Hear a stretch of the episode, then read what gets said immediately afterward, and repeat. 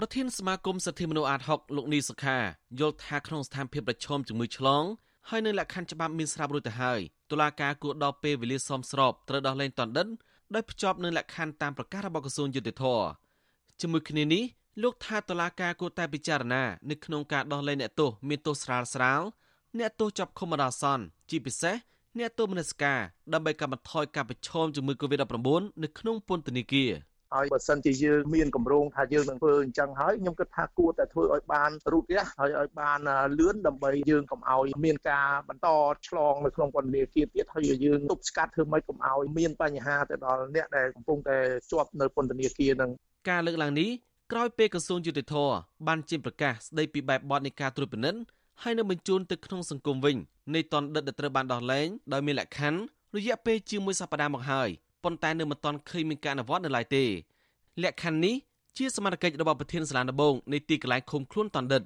តាមប្រកាសរបស់ក្រសួងយុតិធធប្រធានសាលាដំបងសម្រាប់ដោះលែងតនដិតដោយភ្ជាប់លក្ខខណ្ឌជាកាតព្វកិច្ចមួយឬក៏ច្រើនដូចជាការបំពេញសកម្មភាពខាងវិជ្ជាជីវៈការបណ្ដុះបណ្ដាលខាងវិជ្ជាជីវៈមានទីលំនៅជាក់លាក់ឬតម្រូវការផ្នែកសុខាភិបាលឬភាពចាំបាច់របស់តណ្ឌិននៅក្នុងការរកស៊ីចិញ្ចឹមគ្រួសារជាដើមវិទ្យុអាស៊ីសេរី មិនទាន់អាចតាក់ទងแนะនាំពាក្យក្រសួងយុទ្ធភ័ពលោកចិនម៉ាលីនដើម្បីសាកសួរពីការមិនទាន់អនុវត្តតាមការប្រកាសរបស់ក្រសួងនេះបានទេនៅថ្ងៃទី24ខែកក្កដាការយឺតយ៉ាវនេះបានធ្វើស្ថានភាពពន្ធនាគារបន្តចង្អៀតណែនគណៈការឆ្លង COVID-19 កាន់តែច្រើនឡើងគិតត្រឹមថ្ងៃទី22ខែកក្កដាមានអ្នកចាប់ឃុំនិងអនុរិយជាង10ពន្ធនាគារបានឆ្លង COVID-19 ហើយអ្នកចាប់ឃុំយ៉ាងហោចណាស់8នាក់បានស្លាប់ដោយសារជំងឺនេះ វិទ្យុអាស៊ីសេរីមិនទាន់អាចសុំការបញ្ជាក់រឿងនេះពីអ្នកនាំពាក្យអគ្គនាយកដ្ឋានពន្ធនាគារនៃក្រសួងមហាផ្ទៃលោកនុតសាវណ្ណាបានទេ នៅថ្ងៃទី24ខែកក្កដាតែកាលពីថ្ងៃទី22ខែកក្កដាលោកបានប្រាប់សារព័ត៌មានក្នុងស្រុងថាអ្នកចាប់ឃុំក្នុងពន្ធនាគារខេមរៈមន្ជ័យដែលមានអាយុច្រើន5នាក់បានស្លាប់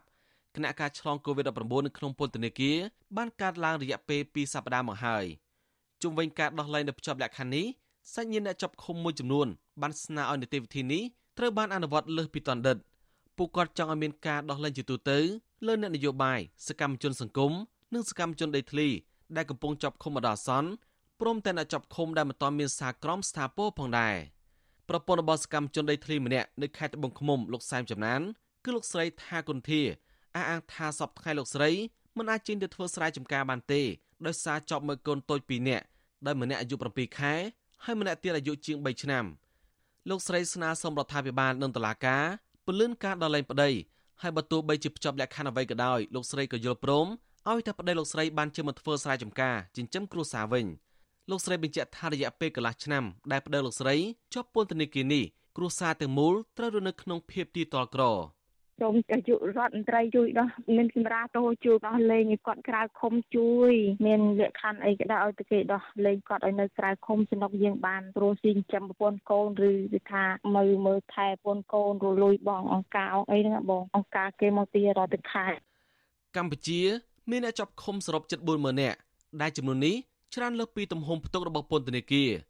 បើទោះបីជារដ្ឋាភិបាលដាក់ជាវិធានការនានា សម្ដៅដល់ការកាត់បន្ថយភីចង្អៀតណែតនៅក្នុងពន្ធនាគារក៏ដោយក៏បញ្ហារ៉ាំរ៉ៃនេះមិនទាន់ត្រូវបានដោះស្រាយឲ្យមានប្រសិទ្ធភាពនៅឡើយក្រុមអង្គការសង្គមស៊ីវិលជាតិនិងអន្តរជាតិនៅទស្សនាយ៉ាងទទូចអរដ្ឋាភិបាលនិងតុលាការដោះលែងអ្នកទោសមនសិការអ្នកជាប់ទោសស្រាលស្រាលនិងអ្នកជាប់ឃុំជិតរួចទោសដើម្បីកាត់បន្ថយភីចង្អៀតណែននិងបន្ថយហានិភ័យនៃការឆ្លង COVID-19 នៅក្នុងពន្ធនាគារខ្ញុំសនចាររថាវិទ្យុអាស៊ីសេរីរាយការណ៍ពីរដ្ឋធានីវ៉ាស៊ីនតោន